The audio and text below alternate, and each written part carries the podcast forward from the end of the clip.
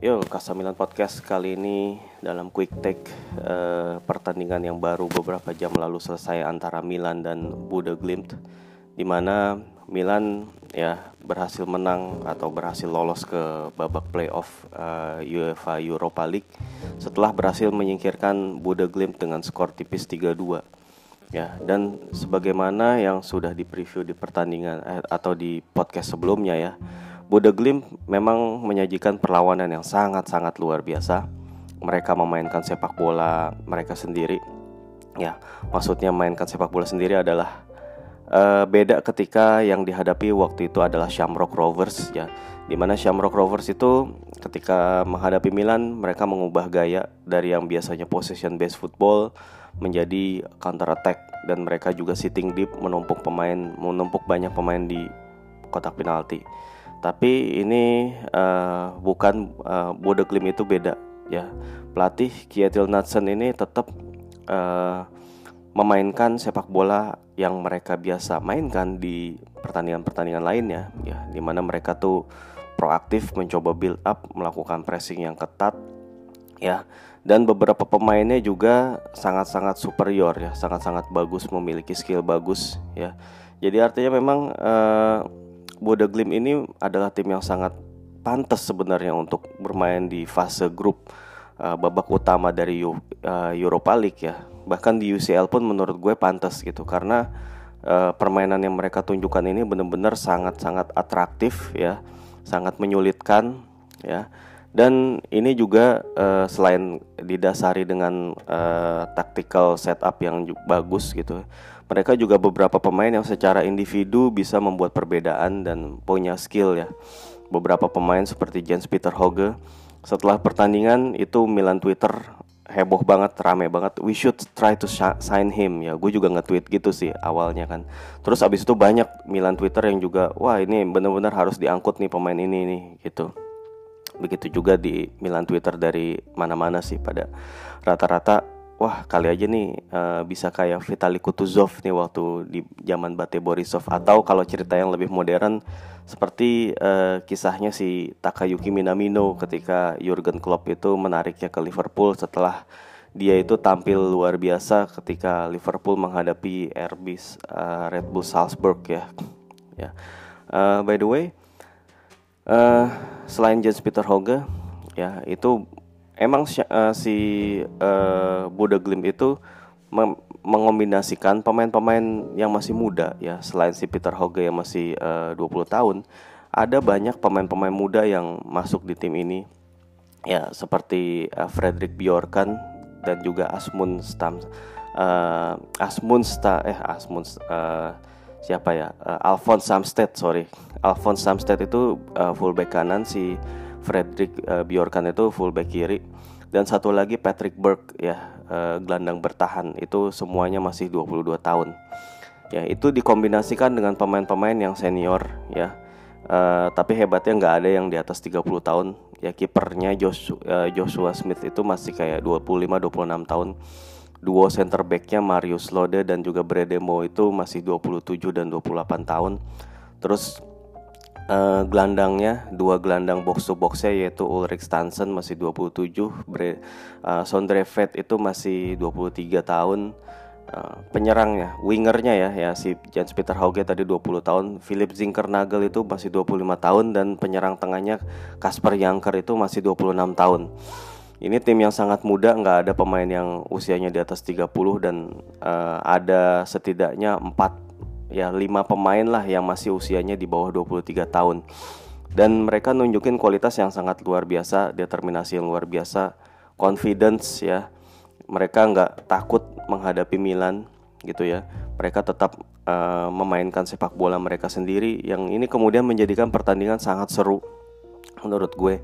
Uh, di babak pertama lah Milan itu tertekan lebih dulu ya, bahkan kebobolan ya. Jens Peter Hoge berhasil mengecoh Calabria dengan dribblenya yang sangat cepat, terus mengirimkan umpan silang yang sangat akurat banget dan Kasper Janker dengan penyelesaian yang sangat bagus itu menaklukkan Donnarumma itu gue udah ngeri aja sebenarnya. Tapi untungnya uh, baru uh, serangan pertama setelah gol itu terjadi Milan udah menyamakan kedudukan lewat Calhanoglu tendangan kaki kiri dari sedikit dari luar kotak penalti yang sangat menurut gue spektakuler itu. Bagus banget ya. Emang Calhanoglu sedang dalam uh, performa yang luar biasa confidence dia juga lagi tinggi tingginya ya. Gol-gol seperti itu bisa dia ciptakan ya. Dan setelah Milan berhasil menyamakan kedudukan lewat gol Calhanoglu emang akhirnya Milan mengambil alih inisiatif ya. Jadi mm, beberapa kali uh, pressing game Milan itu bekerja dengan baik dan bahkan uh, ketika si Buda Glim itu mencoba melakukan build up dari bawah seperti yang mereka biasa lakukan itu ada satu kesalahan umpan ya dari Patrick Burke yang berhasil direbut oleh Calhanoglu cuman sayang tendangannya Benacer itu masih diblok oleh kiper Joshua Smith. Dan kemudian ada beberapa peluang lagi yang datang ya sampai kemudian lahir gol dari Lorenzo Colombo ya itu juga datang dari skema yang sangat rapi dari Kessie dikasih ke Theo Hernandez. Eh sorry dari ke Selemakers Selemakers itu ngasih ke Theo Hernandez Theo ngumpan silang. Hakan itu melakukan flick dengan uh, apa uh, dengan bagian belakang kaki ya nendang sambil ngebelakangin bola. Dan akhirnya Lorenzo Colombo itu dengan mudah ya menyeplos apa menceploskan bola ke gawang itu juga kerja keras dari Calhanoglu juga ya. Asis dari dia. Dia kata uh, dia ngelihat ada dua pemain yang mem memberikan pengawalan ke dia sehingga dia memutuskan untuk nggak menembak bola langsung ke gawang tapi memberikan flick operan kepada Colombo yang berdiri bebas ya.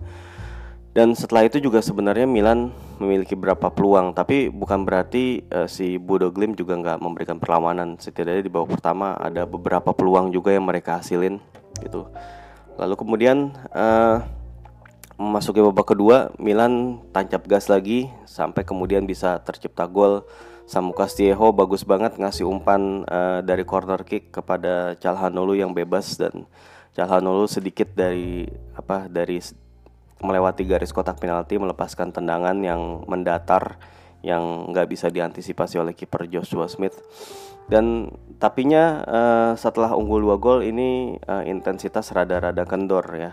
Uh, Pioli itu memasukkan Daniel Maldini menggantikan Lorenzo Colombo itu masih di menit ke-57-an gitu.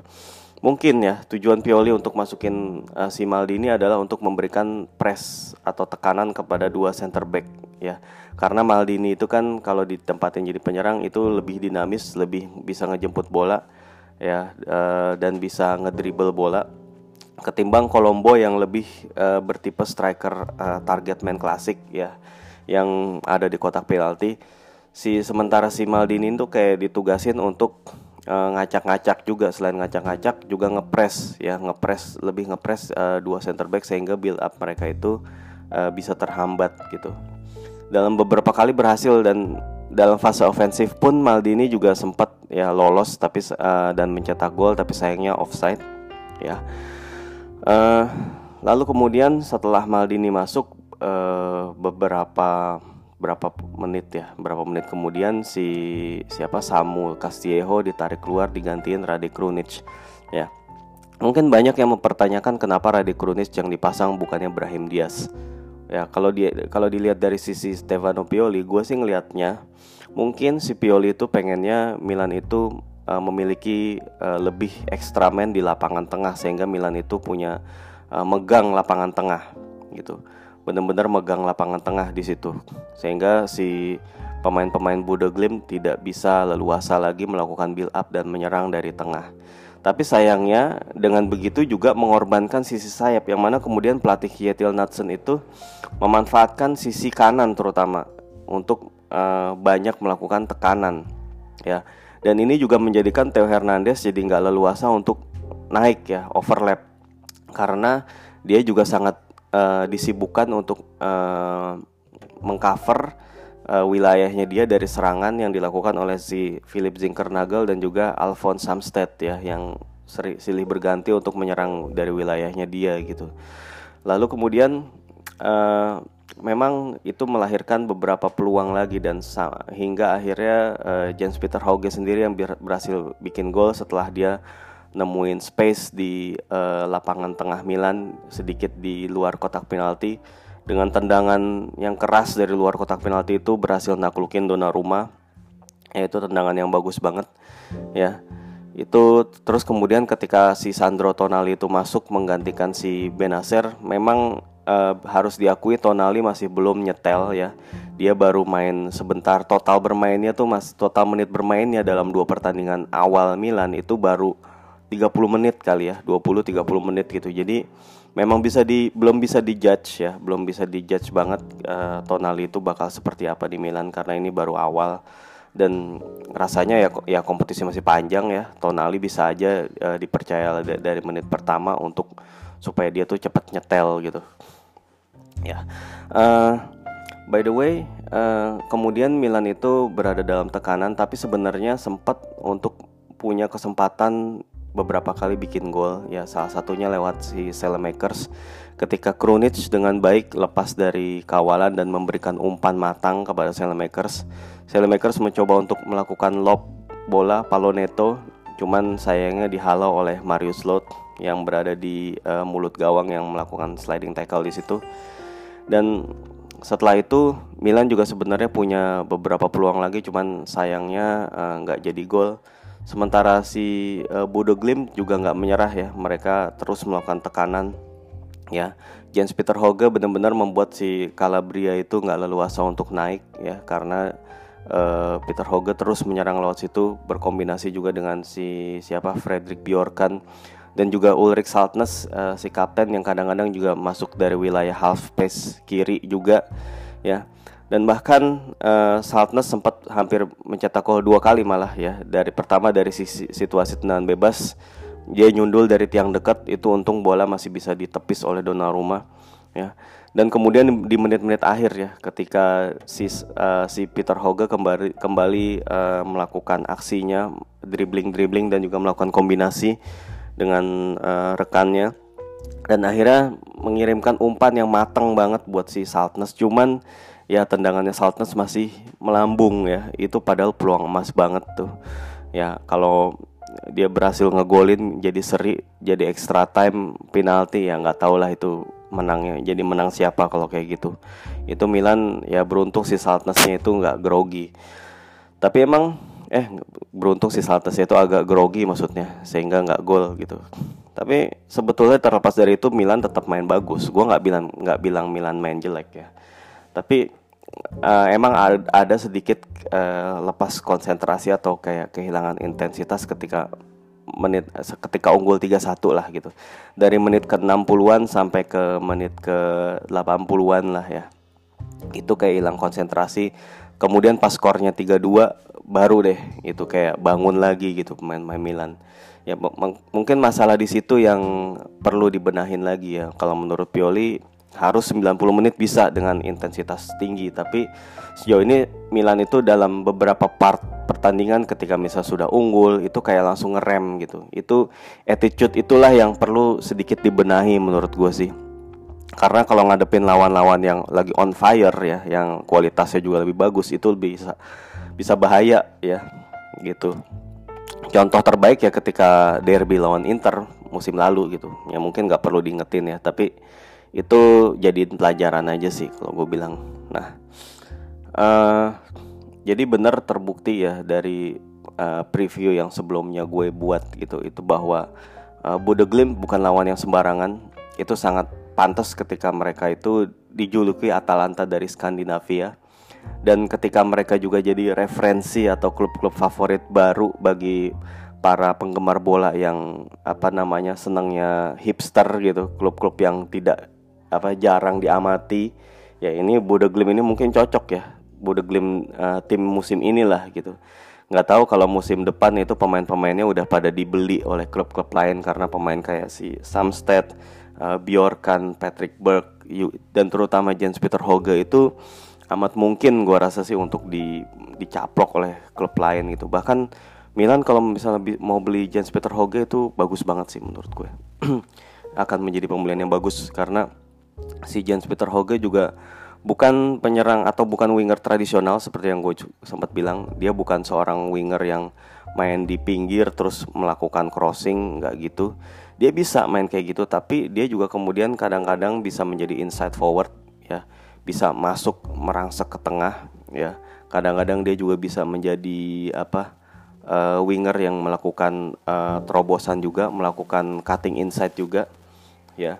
Pokoknya gaya mainnya sangat variatif dia tiba-tiba bisa ada di sisi kanan bisa ada di tengah gitu ya. Dia nggak terpaku sama satu posisi walaupun secara natural dia seorang winger. Menurut gue ini ya bagus banget kalau Milan mau beli Jens Peter Hoge ya. Dan mungkin harganya bakalan naik tapi gue rasa kayak maksimal 10 juta euro bisa lah di diangkut nih pemain gitu. Tawarin gaji satu setengah juta euro itu udah bagus banget lah.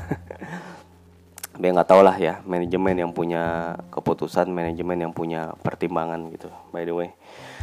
Uh, setelah ini Milan akan menghadapi Crotone di weekend dan masih tanpa Ibra ya. Ini tentunya harus diwaspadai juga ya kita juga nggak tahu kondisi para back ya karena back juga sedang mengalami krisis pemain juga.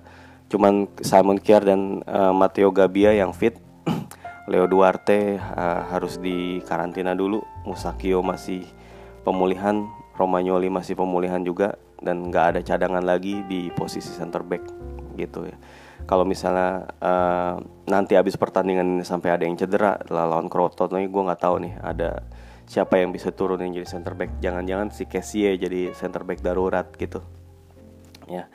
Terus juga penyerang mungkin nanti uh, Pioli perlu mikirin apakah masang Lorenzo Colombo lagi ataupun Ante Rebic yang di situ. Ya. Bisa jadi mainin tetap mainin uh, squad yang sama tapi dengan Colombo ditukar sama Rebic. Bisa kayak gitu. Atau kalau misalnya Leo udah bisa main ya Leo bisa dimainin tapi kayaknya Leo masih belum sih ya belum fit ya ya dia baru mulai latihan beberapa hari. Ya kayaknya Leo belum bisa dimainin tapi Rebic setidaknya good newsnya Rebic masih bisa dimainin lawan Crotone. Itu aja sih menurut gue. Oke okay, uh, eh, menurut gue sampai di sini aja uh, quick take yang gue buat ya. Mohon maaf kalau ada salah-salah kata. Dan sorry ini ngambil ngeteknya juga bukan dari tempat yang biasa. Ini benar-benar dari tempat apa gue pakai cara lain lah untuk ngetek uh, podcast ini sehingga kalau hasilnya kurang oke okay, sorry sorry aja ya. Gitu ya nanti mungkin kalau udah gue bisa pakai cara yang seperti biasa gue pakai cara yang seperti biasa. Oke okay, uh, eh, sampai di sini aja. Uh, makasih udah dengerin Kasamilan podcast. Sampai jumpa lagi. Ciao